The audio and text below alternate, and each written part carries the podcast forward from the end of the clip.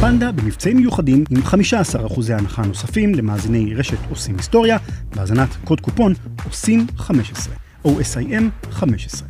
פנדה zzz.co.il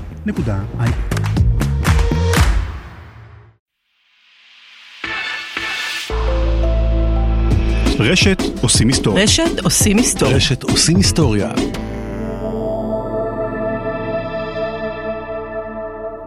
עושים פוליטיקה דפנה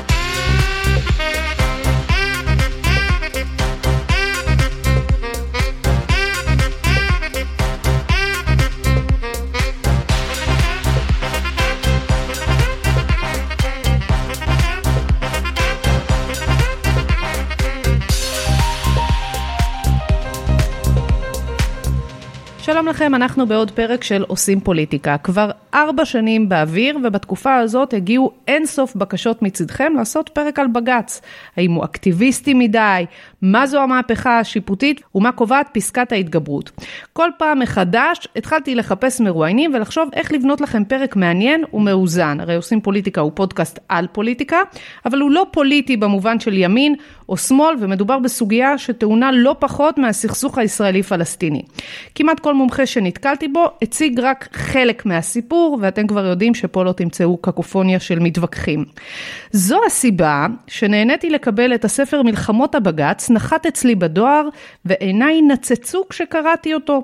מעבר לזה שפרופסור עמיחי כהן, איש המכון הישראלי לדמוקרטיה והקריה האקדמית אונו, מיד תשמעו אותו, מציג את הסוגיה בצורה ברורה, הוא גם מציע פתרון לפסקת ההתגברות, שלדעתי לפחות רוב הציבור הישראלי יוכל לקבל אותו. זה ניסיון לאזן בין אלה שחושבים שהמצב מושלם, ואסור לגעת בציפורן של אה, מערכת המשפט, לבין אלה שרוצים לרסק אותה לגמרי ולהשאיר לפוליטיקאים למשול לגמרי לבד. אז היום נציג בפניכם את המודל הזה, וגם ננסה לעשות קצת סדר באחת הסוגיות המדוברות במערכת הפוליטית, סוגיה שלהערכתי גם תובא להכרעה, אולי אפילו בקדנציה הקרובה. אז שלום פרופסור עמיחי כהן. שלום וברכה. שוב יציג אותך איש המכון הישראלי לדמוקרטיה, הקריה האקדמית אונו, בעל תואר שלישי למשפטים מייל, אה, ומי שגם חיבר את הספר יורים ושופטים, ועכשיו כאמור גם ספר אה, נוסף על אה, מלחמות הבג"ץ, אז קודם כל שלום וכיף שאתה איתנו. תודה רבה שהזמנת אותי. אז אנחנו פה בפודקאסט מתחילים תמיד אה, מבראשית, בודקים שכולם on the same page, באותו עמוד, מבינים על מה אנחנו אה, מדברים, ופה אני חושבת שממש צריך להתחיל באיזושהי, בוא נגיד ראייה רחבה, ראייה כוללת על למה בכלל צריך ששופטים יפסלו חוקים של הכנסת או יבקרו אותה, אם כולנו מקבלים את העיקרון הדמוקרטי, שאנחנו מדינה דמוקרטית והרוב בה קובע. אני חושב שכדאי לחלק את זה לשתי שאלות, והשאלה הראשונה היא האם בכלל צריך להגביל איכשהו את הכנסת, והשאלה השנייה היא האם בית המשפט צריך להיות זה שמגביל את הכנסת. שלוש סיבות למה להגביל את הכנסת. הסיבה הראשונה היא שיש נושאים שאנחנו לא רוצים שהכנסת תתעסק בהם בהליך הרגיל, הפוליטי, עם האינטרסים והדחיפות לדוגמה שפוליטיקאים פוסלים פוליטיקאים אחרים. למשל, שפוליטיקאים פוסלים פוליטיקאים אחרים, או, אולי אפילו יותר חשוב, ההסדרים של השלטון, או אה, פגיעה בזכויות של אזרח. אז זה, אולי אנחנו רוצים שהכנסת תעשה משהו מיוחד כשהיא עושה את זה, ולא תלך בהליכה הרגיל. השאלה השנייה היא, האם הרוב שבכנסת באמת מייצג את הרוב שבציבור? שיטת הבחירות שלנו, בואו נשים את הדברים על השולחן, היא מעט פרימיטיבית. אנחנו בוחרים בפתק לפעם אחת ב... טוב, זה אמור להיות פעם בארבע שנים, נכון, בזמן האחרון אנחנו הולכים ארבע פעמים בשנתיים, אבל... אל תדרוך על כן, יבלות, כן, אל כן, תדרוך כן. על יבלות. אבל פעם ב... אנחנו הולכים, שמים פתק אחד לאיזשהו אגד של רעיונות, שכולל כל מיני רעיונות, ולא לגמרי שואלים אותנו האם אנחנו מסכימים לרעיון מסוים. בוא אז... נודה על האמת, הבחירות האחרונות הן על כן ביבי, לא ביבי, לא בדיוק. מדברים בכלל על סוגיות אחרות, נכון. או שהצבעת רק לא ביבי וקיבלת ביבי, אז בוא נניח לדוגמה. שסוגיית הרפורמה בבית המשפט המשפט לא תעלה כסוגיה בקמפיין הבחירות, ופתאום אחרי הבחירות יתברר שיש איזה רוב של 61 לאיזשהו... איזושהי רפורמה דרמטית במערכת המשפט. לא על זה הצבענו, לא באמת שאלו אותנו על זה. אבל עדיין, אתה נתת בידי נבחרי הציבור את הקול שלך כי אתה סומך על ה-judgment שלהם. נכון, אבל... סומך אבל, עליהם. אבל יש סיבה לחשוב שאולי הקול הזה יהיה מוגבל מעט. והדבר השני, וזה הזכרת בהתחלה, יש לנבחרים של הכנסת, יש איזשהו מתח פנימי בין האינטרסים שלהם. הם רוצים לייצג את הציבור, אבל הם גם רוצים להיבחר. ואנחנו חוששים שמא הם ישחקו בהליך הבחירות ובהליך קבלת ההחלטות על מנת להעצים את היכולת שלהם אה, להיבחר בבחירות הבאות, יפגעו בשוויון בין המתמודדים, כי בסוף, אה, כמו כולנו, גם הם בני אדם, אני לא מדבר כאן על שחיתות. הם רוצים להיבחר עוד פעם, וגם זה דורש ביקורת. אתה בעצם אומר שיש מה שנקרא כשלי שוק במערכת הפוליטית, זה למעשה מה שאתה אומר. אה, ואני אשמח שתסביר קצת יותר למה אתה מתכוון, אני חושבת שזה מאוד ברור כשמדובר על פוליטיקאי שפוסל מפלגה אחרת, שם ברור שצריך להיות עוד איזה אסטנציה שמבקרת, אבל כשמדובר בסוגיות אחרות, איך אתה רואה את זה לדוגמה? כשלי שוק זה באמת משל יפה, הוא לקוח מרעיונות כלכליים. וכשיש רעיון, כשיש לנו שוק כלכלי, אנחנו מניחים שתחרות חופשית זה אה, דבר טוב. אבל אנחנו גם יודעים שהשחקנים בשוק הכלכלי, יש להם אינטרסים לפעמים להתגבר על התחרות החופשית, נכון? הם עושים קרטלים ומונופולים, והמדינה מגבילה אותם, אנחנו לא נותנים להם לעשות כל מה שהם רוצים כדי לתמוך אה, בתחרות החופשית. אז בואו ניתן דוגמה מתחום הזכויות, שאולי תדגים את הדבר הזה. אנחנו רוצים שהרוב יקבל החלטה, למה? למה אנחנו חושבים שאם הרוב יתמוך בעמדה מסוימת והמיעוט יתמוך בעמדה אחרת, הרוב הוא צריך לקבוע? חוכמת ההמונים. אז הסבר אחד הוא חוכמת ההמונים, איזשהו הסבר תועלתני, זה יהיה יותר טוב. אבל אם אני אגיד לך שכל החכמים בצד אחד, עדיין חוכמת ההמונים? יש, הרעיון של הרוב קובע מניח בבסיסו איזשהו רעיון מוסרי מאוד עמוק של שוויון. בני האדם שווים. ואין סיבה שקול של אחד ייחשב יותר מקול של אחר, ולכן אם הרוב הולך לכיוון מסוים, אז זה לא צודק שהמיעוט, אה, העמדה שלו תתקבל, יותר צודק שהעמדה של הרוב תתקבל, אבל כל זה מניח שבאמת יש שוויון בין כולם. מה קורה אם יש קבוצה מסוימת, נגיד במדינת ישראל, מפלגות ערביות, שבאופן עקבי לא מסוגלות, מכל מיני סיבות, לא משנה, פנימיות, חיצוניות, להשפיע על קבלת ההחלטות. אז זה לא בעצם... או קבוצה ש... אחרת כמו החרדים שמשפיעה מאוד, כי לפעמים היא לשון המאזניים. נכון, נכון. או קבוצה אחרת, אולי נדבר על זה בהמשך, על מקרים שבית המשפט יתערב. קבוצה אחרת שיש לה יותר כוח מהחלק היחסי באוכלוסייה שלה. אז כל הסיבה שבגללה אנחנו חושבים שהרוב קובע, כל הסיבה הזאת היא, היא לא מתממשת במציאות, כי לא באמת כל הקולות שווים. אז רגע, אז עכשיו דיברנו על אה, למה צריך להתערב. אה, בואו ננסה להבין למה דווקא בית המשפט צריך להתערב, ואחרי זה אני אשמח לדעת על פי מה הוא מתערב, כי גם אם הוא מתערב, אז מה, יש לו סט כללים אחרים, בעבר דיברו על מגילת העצמאות, מי קובע על סמך מה הוא מתערב כשהוא מתערב? נכון. קודם כל, די ברור שבנושאים האלה שהעלינו, הכשלי שוק של המערכת, הכנסת לא יכולה בעצמה לשלוט על עצמה. כמעט כל הדמוקרטיות בעולם, חוץ משתיים אולי, בריטניה וניו זילנד, מניחות שצריכות להיות מגבלות על הכנסת, וכמעט כל הדמוקרטיות שבהן יש מגבלות, נתנו את הכוח בידי בית המשפט לפקח על הכנסת. למה דווקא בית המשפט? יש לזה שלוש סיבות. סיבה אחת היא שזה מוסד לא נבחר, וכאן צריך דווקא להבין שיש פה איזה משהו בניגוד לאינטואיציה, אנחנו אומרים רגע אנחנו רוצים שיהיה מוסד נבחר, זה מוסד שלא כפוף לכשלים שהכנסת כפופה אליהם, זאת אומרת לצורך להיבחר מחדש ולכל מיני אינטרסים של להתגבר על המיעוט וכולי.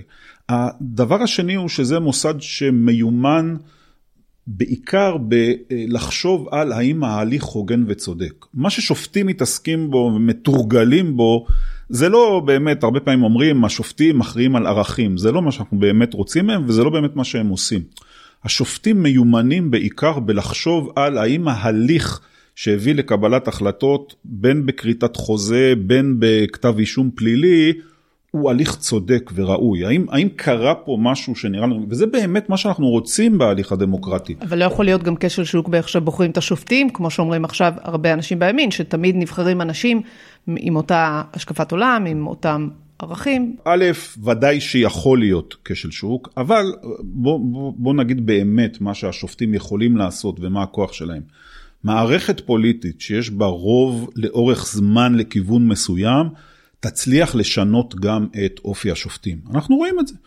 אם יש קבוצה גדולה ועקבית של שרי משפטים שלאורך זמן אומרים בוא נזיז את בית המשפט, אז יתמנו שופטים עם עמדות טיפה יותר שמרניות או אחרות והמערכת תזוז. הדוגמה המובהקת היא ארצות הברית, שבה לאורך 40 שנה פרויקט של המפלגה הרפובליקנית, 40 שנה לשינוי אופי אה, בית המשפט העליון שהצליח. אבל זה לוקח זמן, זה בדיוק ההבדל. מערכת המשפט, וזאת הסיבה השלישית שבגללה אנחנו חושבים על שופטים בתור מערכת, נכון, יש בה אלמנט מסוים של עיכוב הרוב, אבל בגלל שהרוב בכנסת לא בטוח שהוא הרוב בציבור, ובגלל שהשאלות הן שאלות כל כך חשובות, אנחנו לא רוצים שהרוב המיידי עכשיו שנבחר במקרה בגלל כן ביבי לא ביבי, הוא יהיה לו את הכוחות לעשות שינויים דרמטיים. אנחנו רוצים שזה ייקח יותר זמן, אז אפשר לחשוב על זה בתור גלגל שיניים. יש גלגל שיניים מהיר כזה, שזה הכנסת, ויש גלגל שיניים יותר איטי, שלוקח לו יותר זמן, וזה טוב. שערכים השתנו ככה. כן, אז מה נגיד על התקשורת, באיזה קצב היא מסתובבת. אז מיד נדבר על בשם מה פוסלים אה, חוקים של אה, חברי כנסת, אבל קודם כל בואו ננסה להבין עוד קצת על המקרה הייחודי הישראלי. הרבה פעמים אני שומעת הפוליטיקאים אומרים, אבל תראו איך זה קורה במדינה הזאת, או תראו איך זה קורה במדינה אחרת, ושם ממנים ככה, ואצלנו ממנים אחרת, ואצלם עושים שימוע, ואצלנו לא עושים... אין לזה סוף. אז בואו בכל זאת במילה ננסה להבין את הייחודיות של ישראל, שהיא יותר ריכוזית במבנה שלה. אה, ממדינות אחרות, ואולי בכל זאת צריכה יותר עוד משענת אה, אה, שיפוטית. כן, אז, אז אמרתי קודם שכדאי להגביל את המוסד הנבחר. והאמת היא שבכל הדמוקרטיות בעולם, סוגריים, חוץ ממדינת ישראל, יש הגבלות שלא צריך להגיע לבית המשפט כדי להפעיל אותן. למשל, יש מדינות כמו ארצות הברית למשל, שבהם יש שני בתי, אה, שני קונגרס. חלקים לקונגרס. יש בית הנבחרים והסנאט. יש מדינות שבהם יש נשיא בעל סמכות וטו, שוב, ארצות הברית זו דוגמה, אבל לא רק, יש הרבה מדינות. יש מדינות שהן פדרציות, שיש ממשל מרכזי, אבל הממשל המקומי הוא מאוד חזק. יש מדינות שחברות באיחוד האירופי, ואז האיחוד האירופי יכול להגביל. זאת אומרת, בכל הדמוקרטיות בעולם, חוץ ממדינת ישראל, המוסד הנבחר שאנחנו הולכים פעם ב- לבחור אותו, הוא לא מקבל את ההחלטות הפוליטיות לבד.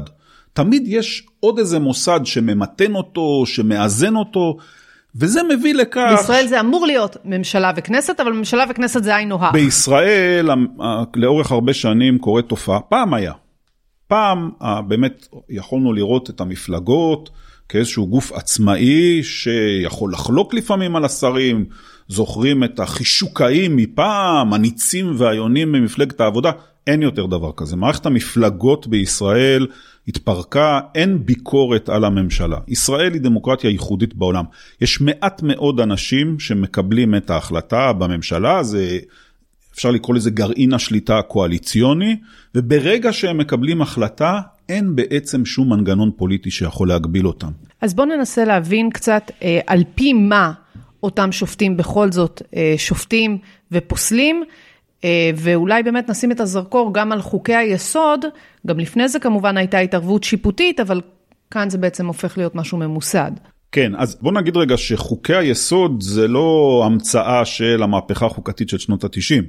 חוקי היסוד זה מהלך שהתחיל עוד ב, בעשור הראשון של מדינת ישראל, שבו אמרו אנחנו לא מצליחים להגיע לחוקה מושלמת, אז בוא נכתוב את החוקה פרקים פרקים, כל פעם נעביר, והחל מ-1958 יש לנו שורה של חוקי יסוד. חוק הגענו, יסוד הכנסת, חוק יסוד חוק הכנסת, יסוד הממשלה. הממשלה, מקרקעי אה, ישראל, ביקורת המדינה, יש לנו שורה של חוקי יסוד, יש לנו היום כבר 12 חוקי יסוד. שקובעים חלק גדול מההסדרים העקרוניים של אה, מדינת ישראל. מה קרה ב-1992? 1992 העבירה הכנסת שני חוקי יסוד שעסקו בזכויות אדם. חוק יסוד חופש העיסוק, שעסק בזכות לחופש העיסוק, וחוק יסוד כבוד האדם וחירותו, שדיבר על הזכות לכבוד האדם, הזכות לחירות, זכות הקניין. אגב, יש לנו פרק על אה, חקיקת חוק יסוד כבוד האדם וחירותו, האם זה היה מחטף או לא, פרק מאוד uh, מעניין עם אורי ילין, אתם יכולים לשמוע אם אתם רוצים ללמוד עוד קצת על החוק החשוב הזה. כן. וחוק יסוד כבוד האדם וחירותו היה בוודאי אה, אלמנט של מהפכה חוקתית. אבל המהפכה החוקתית היא לא בדיוק רק בנושא הזה. צריך לזכור שחוק יסוד כבוד האדם וחירותו עבר במקביל לחוק הבחירה הישירה לראש הממשלה.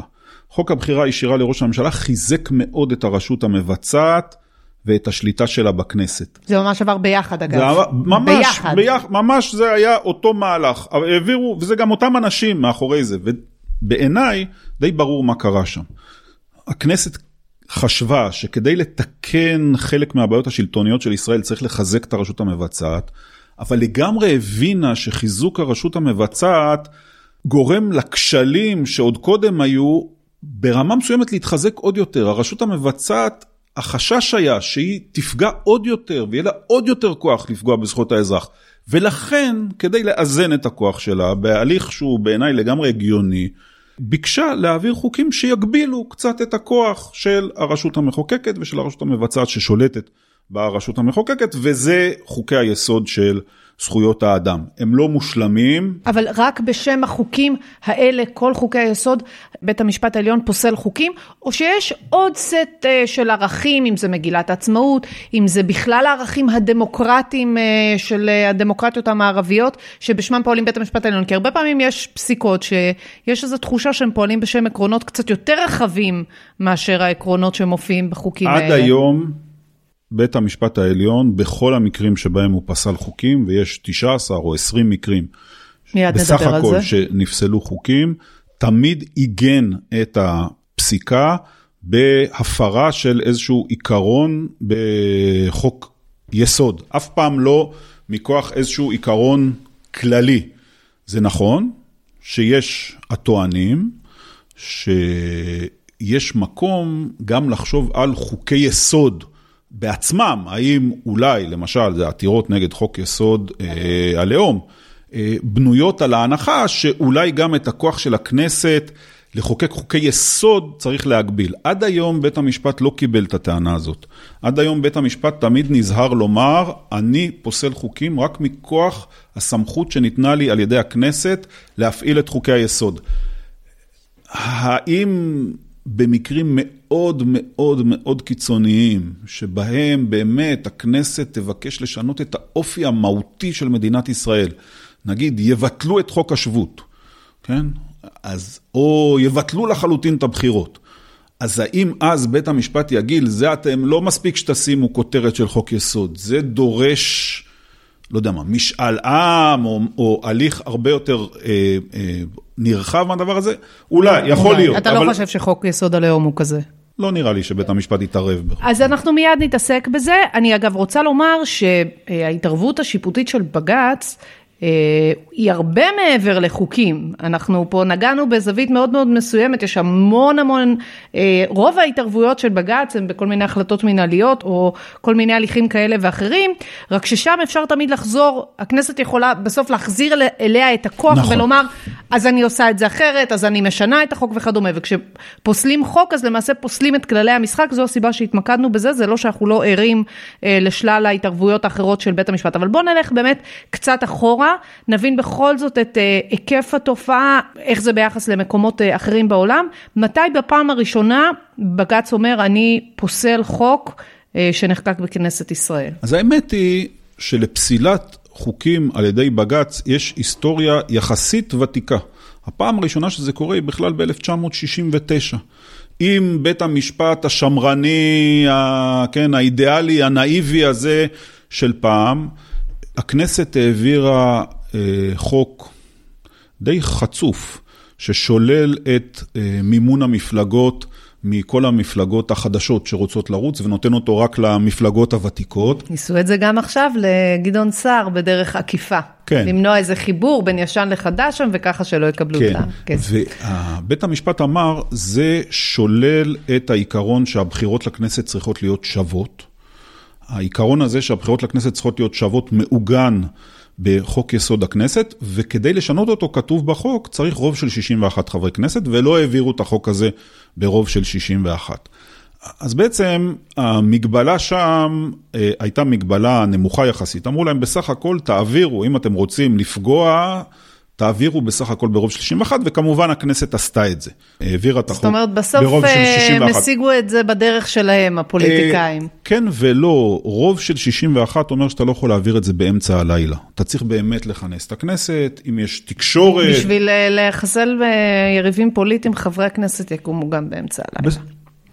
יכול להיות, אבל, אבל אז שמים לב, זה לא הולך כן, ברוב של ברור. שניים נגד אחד, זה משהו שצריך ממש לגייס את הקואליציה כן. בשבילו. יש לזה משמעות מסוימת, אבל באמת זה, זה חלש אה, במיוחד, ושם לא אמר בית המשפט, אנחנו פוסלים את החוק כי הוא נוגד חוק יסוד. זה לא נאמר, אין את הרעיון הזה.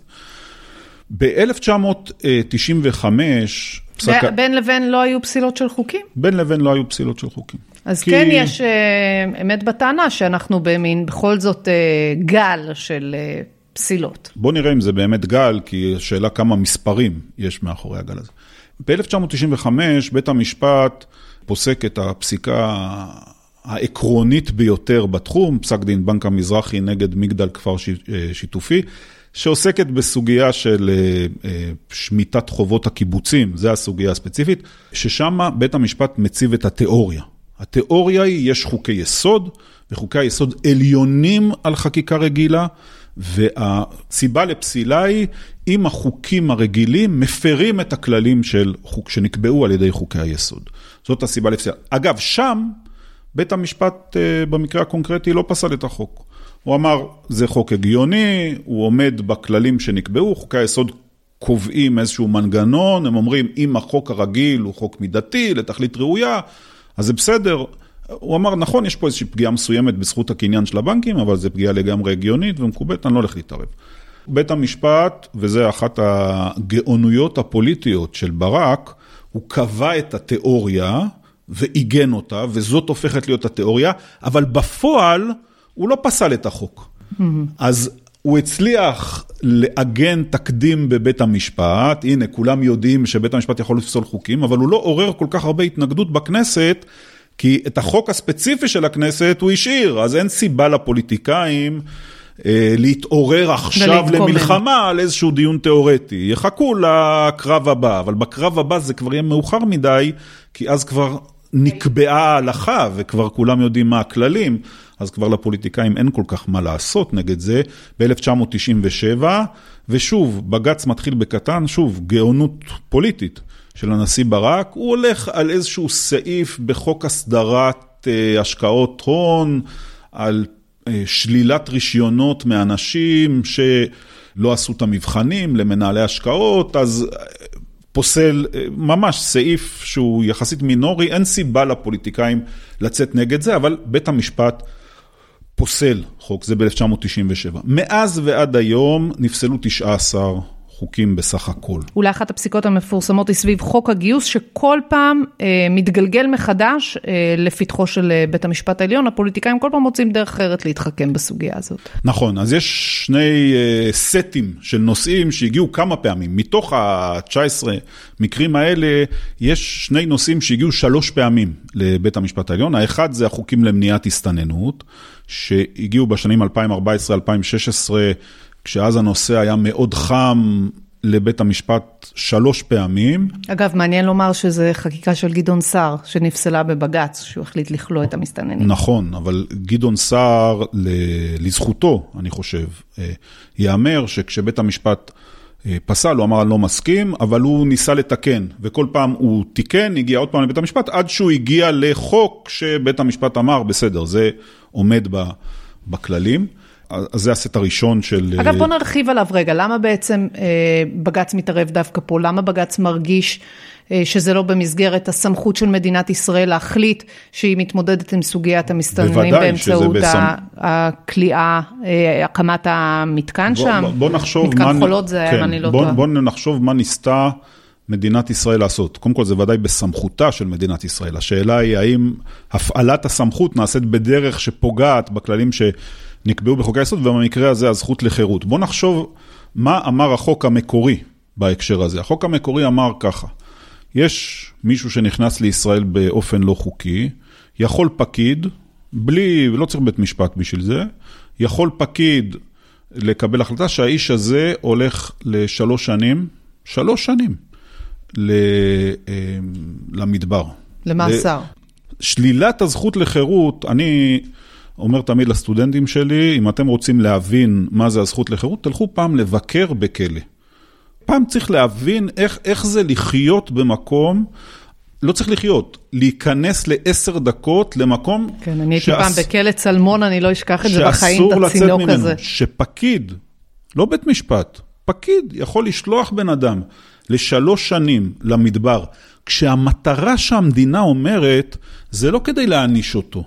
המטרה שהמדינה אומרת זה כדי להרתיע אנשים אחרים. זאת אומרת, אתה זורק בן אדם שלוש שנים לכלא, למדבר, זה אחד הדברים החמורים ביותר שהמדינה יכולה לעשות לבן אדם.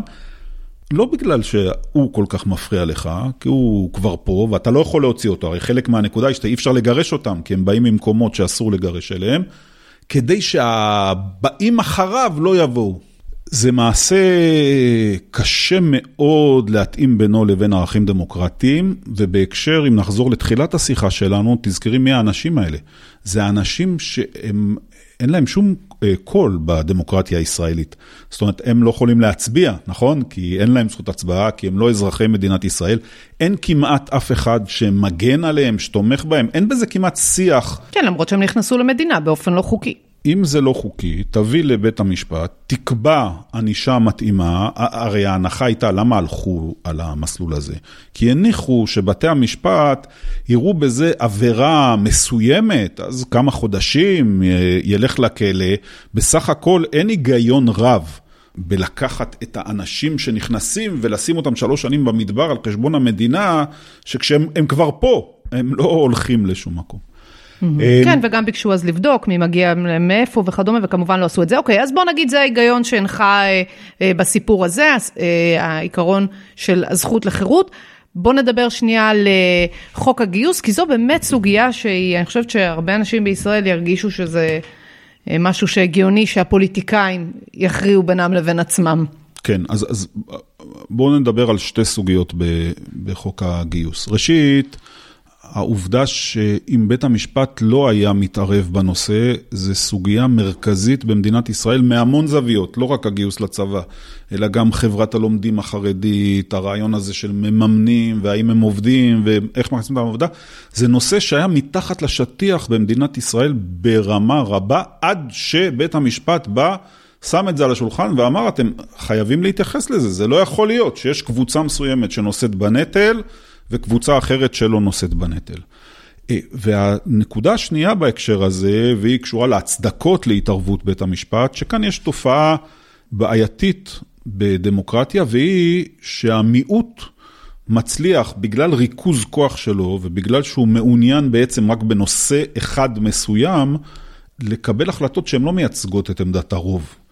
הן מייצגות את עמדת המיעוט, כלומר, המפלגות החרדיות שמו את השאלה של לא מתגייסים במרכז, והיו מוכנים ללכת עם כל מי שיגיד להם, אנחנו נגן על חוסר הגיוס, ובאמצעות זה הצליחו לקבל החלטה שהיא לא מייצגת עמדה ציבורית. היא מייצגת איזושהי הצלחה של קבוצה קטנה בכנסת להשתלט על ההליך בגלל... כן, אבל עדיין היה פה אמירה של אה, בג"ץ שאומר אה, לפוליטיקאים, חברים, התכבדו נא ותחוקקו חוק. ואז הוא בא ואומר, החוק הזה לא מקובל עליי, וגם הגרסה הזאת של החוק לא מקובל עליי, וגם הגרסה הבאת של החוק לא מקובלת עליי. יש פה איזה קושי. נכון, הגרסאות, שלוש הגרסאות. של החוק שעברו לא התמודדו בעצם עם הבעיה. הם קיבלו חוק, אבל בעצם קיבעו את המצב הקיים. אף אחד מהם לא תרם לשינוי. אגב, אני חושב שבית המשפט לא יכול לעסוק בהנדסה חברתית מהסוג של אתם תחוקקו חוק שיגרור את כל החרדים לצבא ויביא לשוויון מלא, וגם בית המשפט מדגיש, הוא לא מתכוון לדבר הזה. אבל לפחות שיהיה איזשהו דיון על הדבר הזה, של מה רמת... השאלה אם זה התפקיד של בג"ץ, לייצר דיון ציבורי. זה התפקיד של עיתונות, זה תפקיד של חלק מנבחרי הציבור, זה התפקיד של בג"ץ, לומר, חברים, תדונו בשאלה ואל תברחו ממנה. התפקיד של בג"ץ הוא... גם, לדאוג- גם זה גורם חוסר אמון בציבורים מסוימים, כמו הציבור החרדי. התפקיד של בג"ץ הוא לדאוג שההליך הדמוקרטי יתנהל. חלק מההליך הדמוקרטי זה דיון. אם לא מתנהל דיון, זאת אומרת, אם יש קבוצה שלוקחת את הנושא ואומרת, זה מחוץ, זה, אנחנו, זה מורידים מהשולחן, על זה אסור לקיים דיון. זה גיוס חרדים, אף אחד לא, זהו. על זה לא נדבר בכלל, כן. אחד מהתפקידים של בג"ץ הוא להביא לכך, הוא אומר, רגע, אתם תקיימו דיון בנושא הזה, זה הדמוקרטיה, אתם צריכים לקיים דיון בנושא הזה. יש מגוון של מסקנות שאפשר להגיע אליהן, זה לא בג"ץ, צריך, לא צריך להחליט את המסקנות, אבל אה, דיון רציני שבבסיסו עומדת ההנחה שצריך להיות שוויון, זה כן נושא שצריך לקיים עליו דיון. נורא קל להיות קלישאה. בזוגיות, בעבודה ובכלל בניהול החיים שלנו, לעשות את מה שאומרים לנו שנכון לעשות. קלישאות הן בדרך כלל ה-go-to המרכזי שלנו, אבל הן לא ממש בהכרח הדבר הנכון. מתי לאחרונה עצרתם לחשוב על הדברים שמגדירים אותנו? על אהבה וזוגיות, משמעות החיים, ומה הקשר בין העבודה שלנו לאושר שלנו? בדיוק בשביל זה, Think and Drink בנתה סדנה בשם Think and Be Different, לחשוב אחרת, לחיות אחרת. תשעה מפגשי master class של מיטב המרצים שחקרו בדיוק את התחומים הללו ומביאים את ההיבטים הפרקטיים של המחקרים שלהם כדי לסייע לנו לחיות חיים נכונים יותר עבורנו וקצת פחות אוטומטיים. לחצו על הבאנר של Think and Drink Different באתר ובאפליקציית רשת עושים היסטוריה, או חייגו לכוכבית 6430 להרשמה לסדנה ולפרטים נוספים. Think and be different. לחשוב אחרת, לחיות אחרת. אז בואו בכל זאת אה, ננסה להבין קצת את הקרב על פסקת ההתגברות. כל זה היה רק ההק- ההקדמה, כדי שנבין באמת עכשיו על מה אנחנו מדברים. קודם כל, מתי בפעם הראשונה מתעוררים הפוליטיקאים ואומרים, רגע, רגע, רגע, אני צריך פה עוד כלי, למעשה, אה, כדי שאני אומר את המילה האחרונה. הרי על זה הקרב למעשה, בוא תנסה לנסח את זה במילים שלך.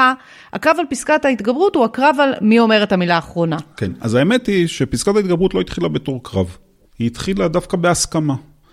אה, חוק יסוד חופש העיסוק נחקק ב-1992, וב-1994 מגיעה לבית המשפט העליון עתירה של אה, חברת מיטראל, חברה שמבקשת לייבא לישראל בשר לא כשר, ולא נותנים לה לייבא בשר לא כשר.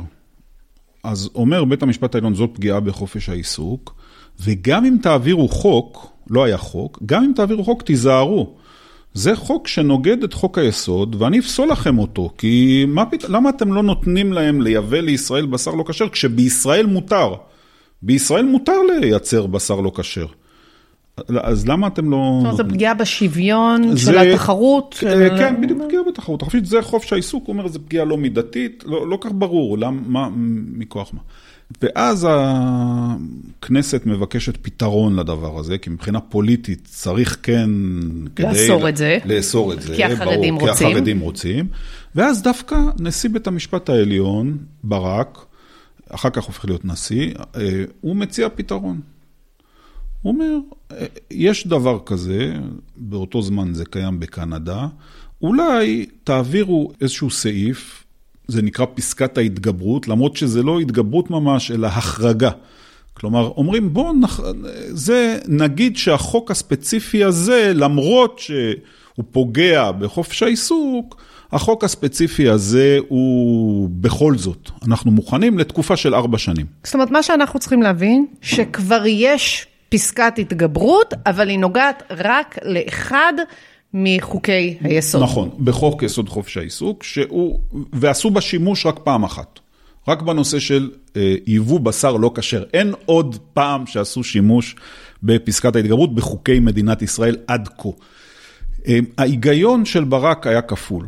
אחד, זה שבאמת מדובר בחופש העיסוק, זו זכות שהיא לא שנויה במחלוקת. במדינת ישראל, אנחנו מדינה קפיטליסטית, אין לנו מחלוקת על הזכות הזאת. ולכן, גם אם יהיה חריגה בחוק מסוים, זה עדיין לא חותר תחת הזכות העקרונית. ושנית, ברק חי בשנות ה-90 בתקופה שבה לא הייתה מחלוקת על עצם הרעיון של זכויות שצריכות לגבור ולפעמים על חוקים, אלא היה צריך לפתור בעיה מסוימת. חשוב להדגיש שהיום יש אנשים שלא מקבלים את העיקרון הזה. היום אני חושב שהמפה, ואולי אז זה נכון, המינוח קרב כבר נכון, כי היום זה הפך להיות כלי טקטי בידי אנשים שהרעיון העקרוני שלהם הוא התנגדות בכלל להתערבות של בית המשפט, ואחד הכלים שהם מבקשים להפעיל זה פסקת ההתגברות.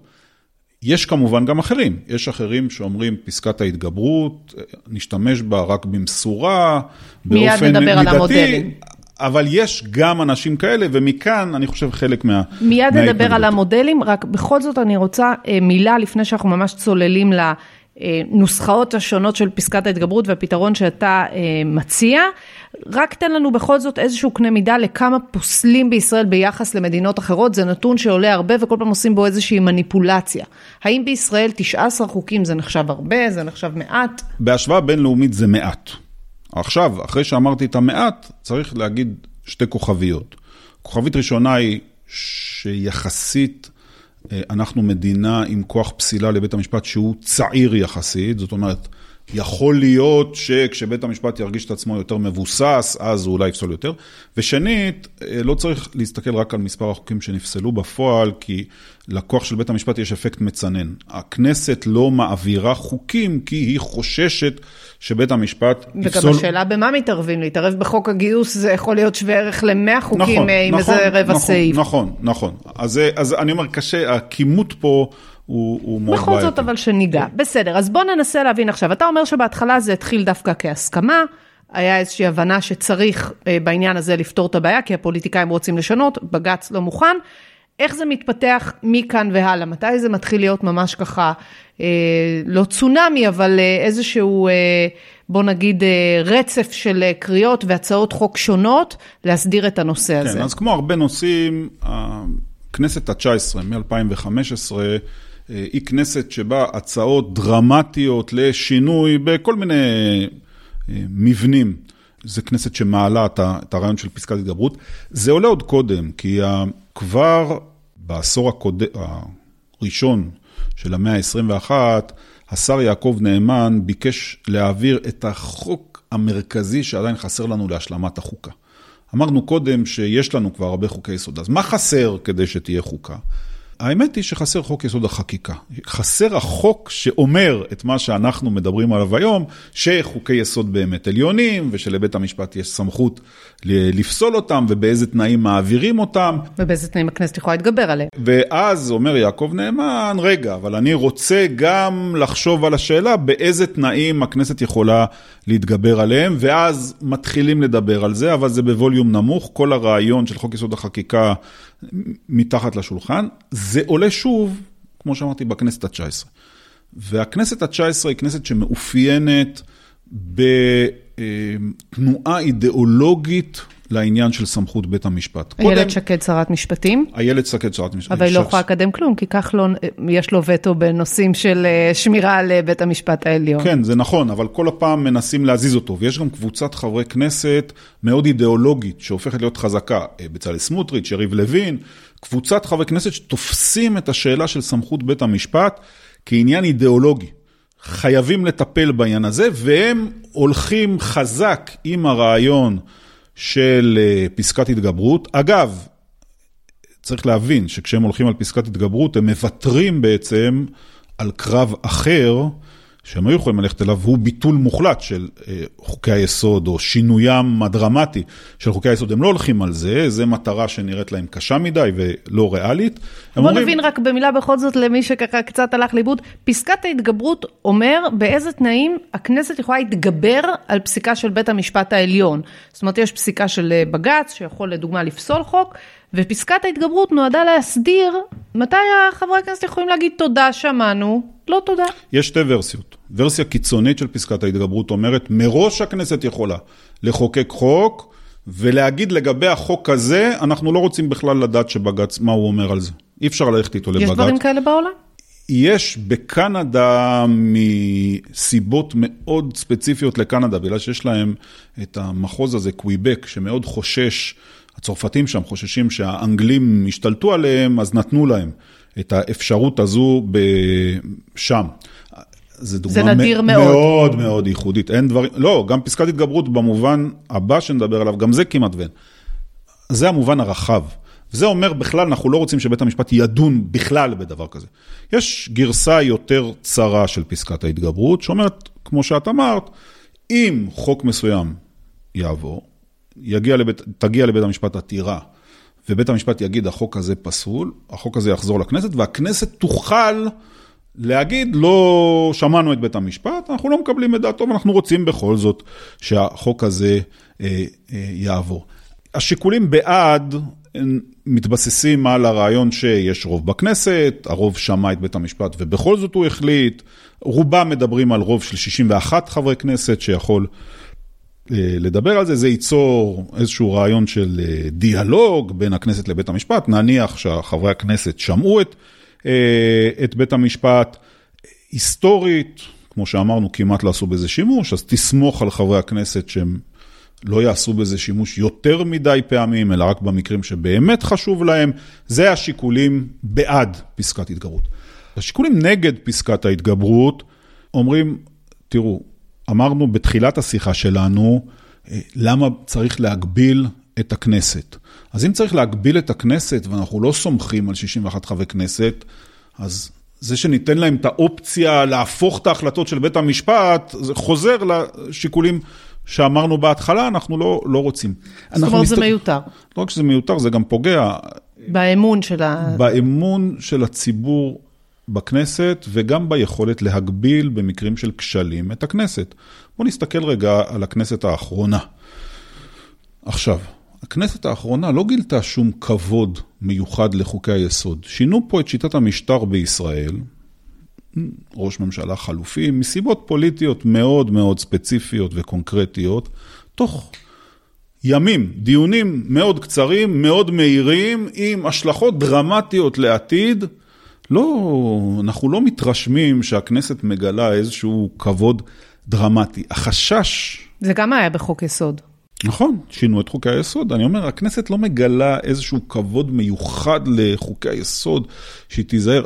אנחנו גם מסתכלים על אותה קבוצה אידיאולוגית של חברי כנסת ששוללת את כל הרעיון של ביקורת שיפוטית על חקיקה, וקיים חשש שהם ישתמשו בכלי של פסקת התגברות, על מנת להפוך מראש כל החלטה של בית המשפט שלא תמצא חן בעיניהם.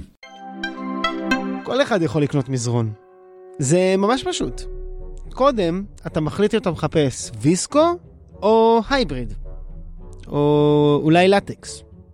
אבל בטח שלא רק קפיצים, או סתם ספוג. אבל לא לשכוח לחשוב על מה תהיה השכבה העליונה.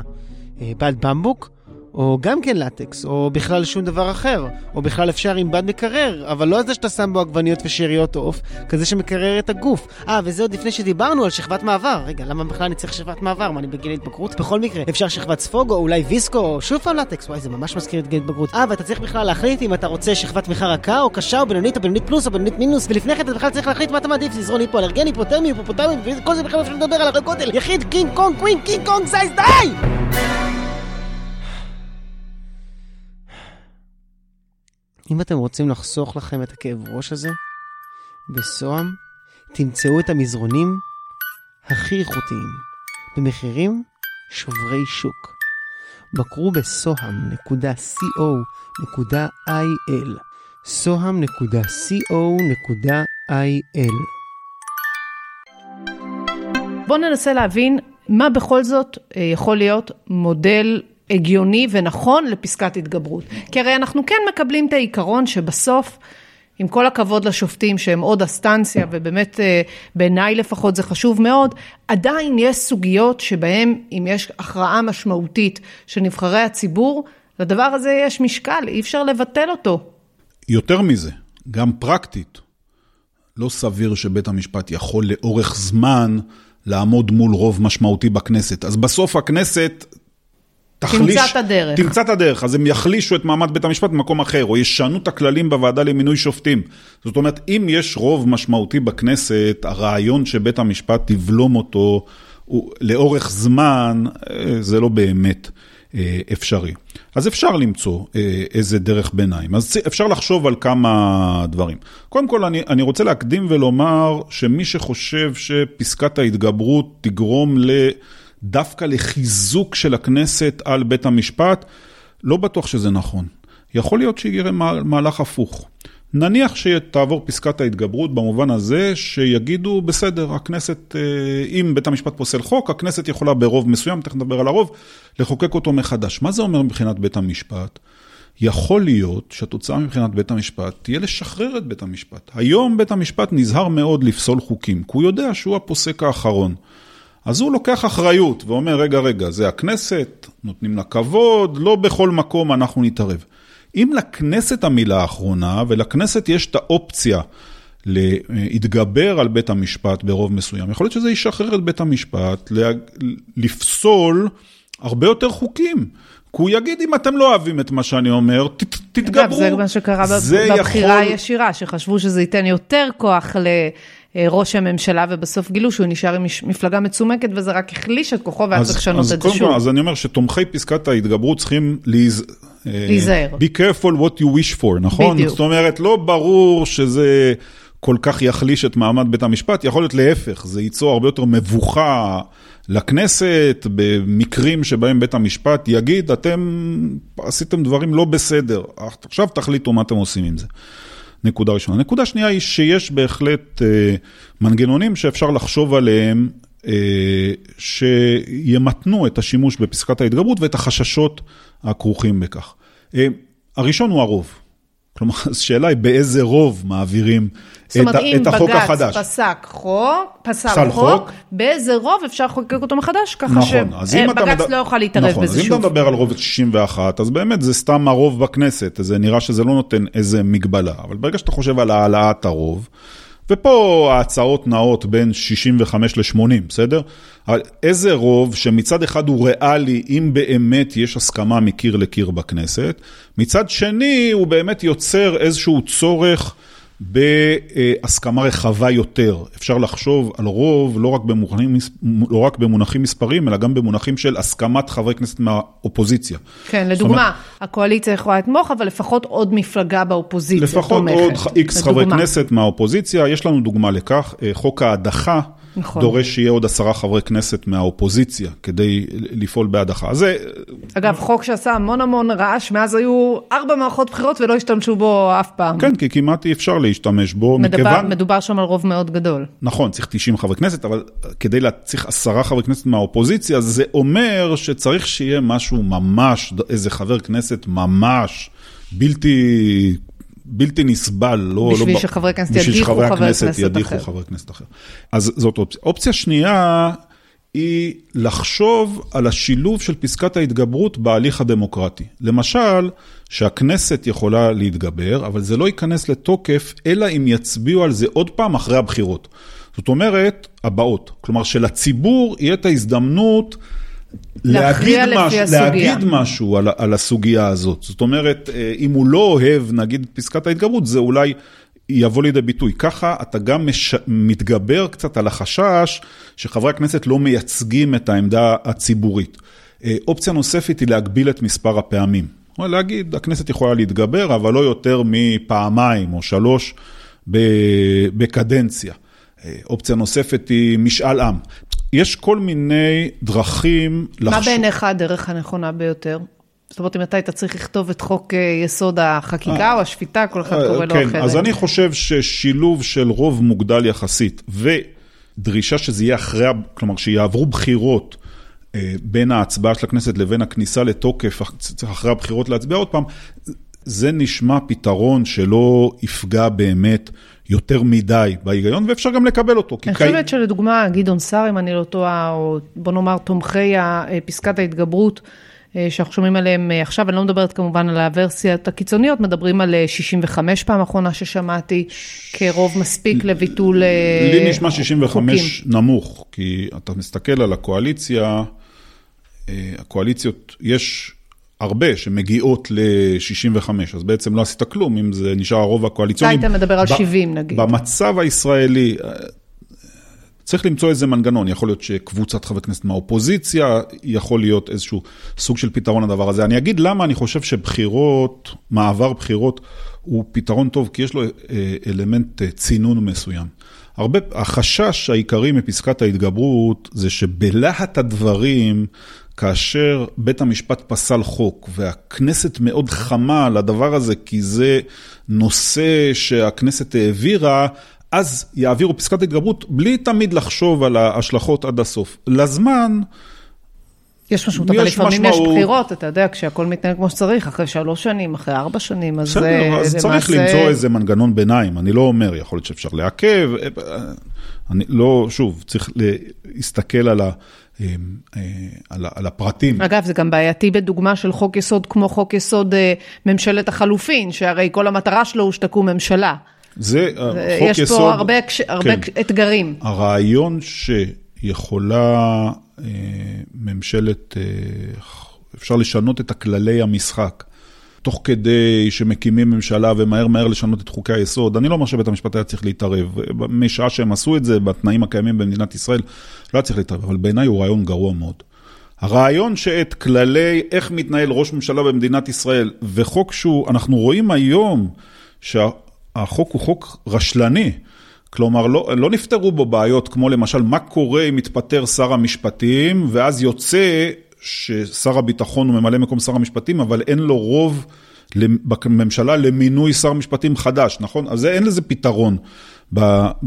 החוק הוא לא חוק טוב, כי הוא עבר מהר. ברור. ואיך אתה רואה את הסוגיה אה, המורכבת באמת של חוקי יסוד, או שמעליהם באמת צריך לומר, זה כבר אם נחקק חוק יסוד, מעל זה אין שום דבר. כי הרי אנחנו רואים את זה עכשיו גם בחוק, בחוק של אה, כאמור ממשלת החלופין, וגם בחוק אה, יסוד הלאום, שיש עתירות לבג"ץ. בג"ץ אגב לא אומר אני לא אדון בזה, דן, דן גם דן, אה, ו... על פניו, זה נושא שלכאורה השופטים לא אמורים לעסוק בו, כי אלה חוקי אני יסוד. שעל פיהם אמורים לשפוט את החוקים. זה נוגע לשאלה איך מתקבלים חוקי יסוד ואיך אפשר לשנות אותם במדינת ישראל. במצב הקיים, 61 חברי כנסת יכולים לשנות כל חוק יסוד, יש חוקי יסוד שאפילו לא צריך 61 חברי כנסת, אלא סתם רוב בכנסת. במצב הקיים, להגיד אותו רוב מוקטן, מסוים, שהצליח להשיג רוב, יכול לשנות אפילו את העקרונות הכי יסודיים של מדינת ישראל. למשל, לבטל את חוק השבות, או אה, לקבוע שבמדינת ישראל לא יערכו בחירות בכלל, זה מצב בעייתי. אני לא חושב שהכנסת תגיע לשם, אבל כשנסתכל על זה בצורה של הסצנריו הזה, האם יש אז מקום לבית המשפט להגיד, רגע, זה, אתם לא יכולים ככה סתם, בגלל שאמרתם כותרת, חוק יסוד, לשנות את הדברים הכי יסודיים במדינת ישראל? אני חושב שכן. אני חוזר אבל למה שאמרתי קודם, פרקטית זה רק יעכב. בסוף, אם יש רוב גדול, מהותי. מהותי, לשינוי אפילו עקרונות היסוד הכי יסודיים של מדינת ישראל, אז הוא, בית המשפט יכול רק לעכב את זה, הוא לא יכול לאסור, ובסדר גמור, טוב שכך. עכשיו, הפתרון הנכון לדבר הזה, הוא לא שבית המשפט יתערב, הפתרון הנכון לדבר הזה הוא שנקבל בהסכמה את החוקה, ונגיד, רגע, את החוקה הזאת אנחנו לא יכולים לשנות, אלא ברוב של 80 חברי כנסת, נגיד לצורך העניין, או משאל עם. חוקה, אתה מדבר על צבר חוקי היסוד? סבר חוקי היסוד, נאגד אותו, או חוקי היסוד הקיימים, זה לא חשוב כרגע, ונגיד, רגע, הגענו כבר לאיזשהו סטטוס קוו, יש כבר חוק יסוד הלאום, יש חוק יסוד כבוד האדם וחירותו, יש לנו חוק יסוד הממשלה, יש לנו חוק יסוד הכנסת, רגע, את מה שיש לנו כבר עכשיו, מה שהשגנו, בוא נסכים שזה כללי המשחק. ולא משנים אותו, אלא ברוב של 80 חברי כנסת, או משאל עם, או... לא קמים כל שני וחמישי בדיוק, ו... איזשהו מנגנון שידרוש. מחליפים. אז באמת כבר ההצדקה לכך שבית המשפט יתערב מכוח איזה שהם עקרונות יסוד, היא באמת מאוד נמוכה. אבל כל עוד אנחנו נמצאים במצב שבו אין בעצם הגנה על, על חוקי היסוד בדרישה לאיזשהו הליך אמיתי שדורש דיון ציבורי, אז יכולים להיות מקרים קיצוניים, אני לא חושב שחוק יסוד הלאום נופל בקטגוריה הזאת, ואני מתקשה להאמין שבית המשפט באמת יתערב ספציפית. באחד הסעיפים הם גם אמרו השופטים, אנחנו יכולים לחיות עם פרשנות לחוק היסוד. אה, לחוק אה, יסוד הלאום. כן, אבל עצם זה שהם דנים בזה, אפרופו השיטה המתוחכמת מס... שדיברת עליו, שכל פעם יוצרים עוד איזה תקדים, אז גם זה תקדים. הנה, אנחנו דנים, אולי נחליט לא להתערב, אבל כבר מדברים. אני מסכים, אני רק אומר, אבל שוב, את הדבר הזה, כמו, וזה אולי בעצם הנקודה שאני ככה מבקש להעביר גם בספר וגם בשיחה. את הביקורת על בית המשפט העליון צריך לראות תמיד לא רק על רקע בית המשפט, אלא גם על רקע מה קורה בפוליטיקה. מה הכללים הפוליטיים? אם הכללים הפוליטיים מאפשרים שינוי מאוד מהיר, זה מעלה את ההצדקה להתערבות בית המשפט. פרופסור עמיחי כהן, איזה כיף שהיית איתנו היום, וקיימנו דיון אה, מעמיק בסוגיה שבאמת לא מגיעים אליה בתקשורת המיינסטרימית. אה, ככה לפחות בהיקפים האלה, אז אני מאוד מאוד מודה לך על ההזדמנות. תודה שהיית איתנו היום. תודה רבה לך. ותודה לצוות שלנו, איתמר סוויסה, העורך, מתן בר, התחקירן ונתי צנעני, וכמובן לצוות של כל רשת עושים היסטוריה, רן לוי העורך הראשי, דני תימור המנהל העסקי, והכי הכי הכי תודה כמובן לכם, המאזינים. ניפגש בפרק הבא. עושים פוליטיקה עם דפנה ליאל. לפודקאסטים נוספים של רשת עושים היסטוריה ולהצטרפות לרשימת התפוצה של התוכנית בדואר האלקטרוני, בקרו ב-עושימהיסטוריה.com או הורידו את אפליקציית עושים היסטוריה בחנות האפליקציות של אנדרואיד.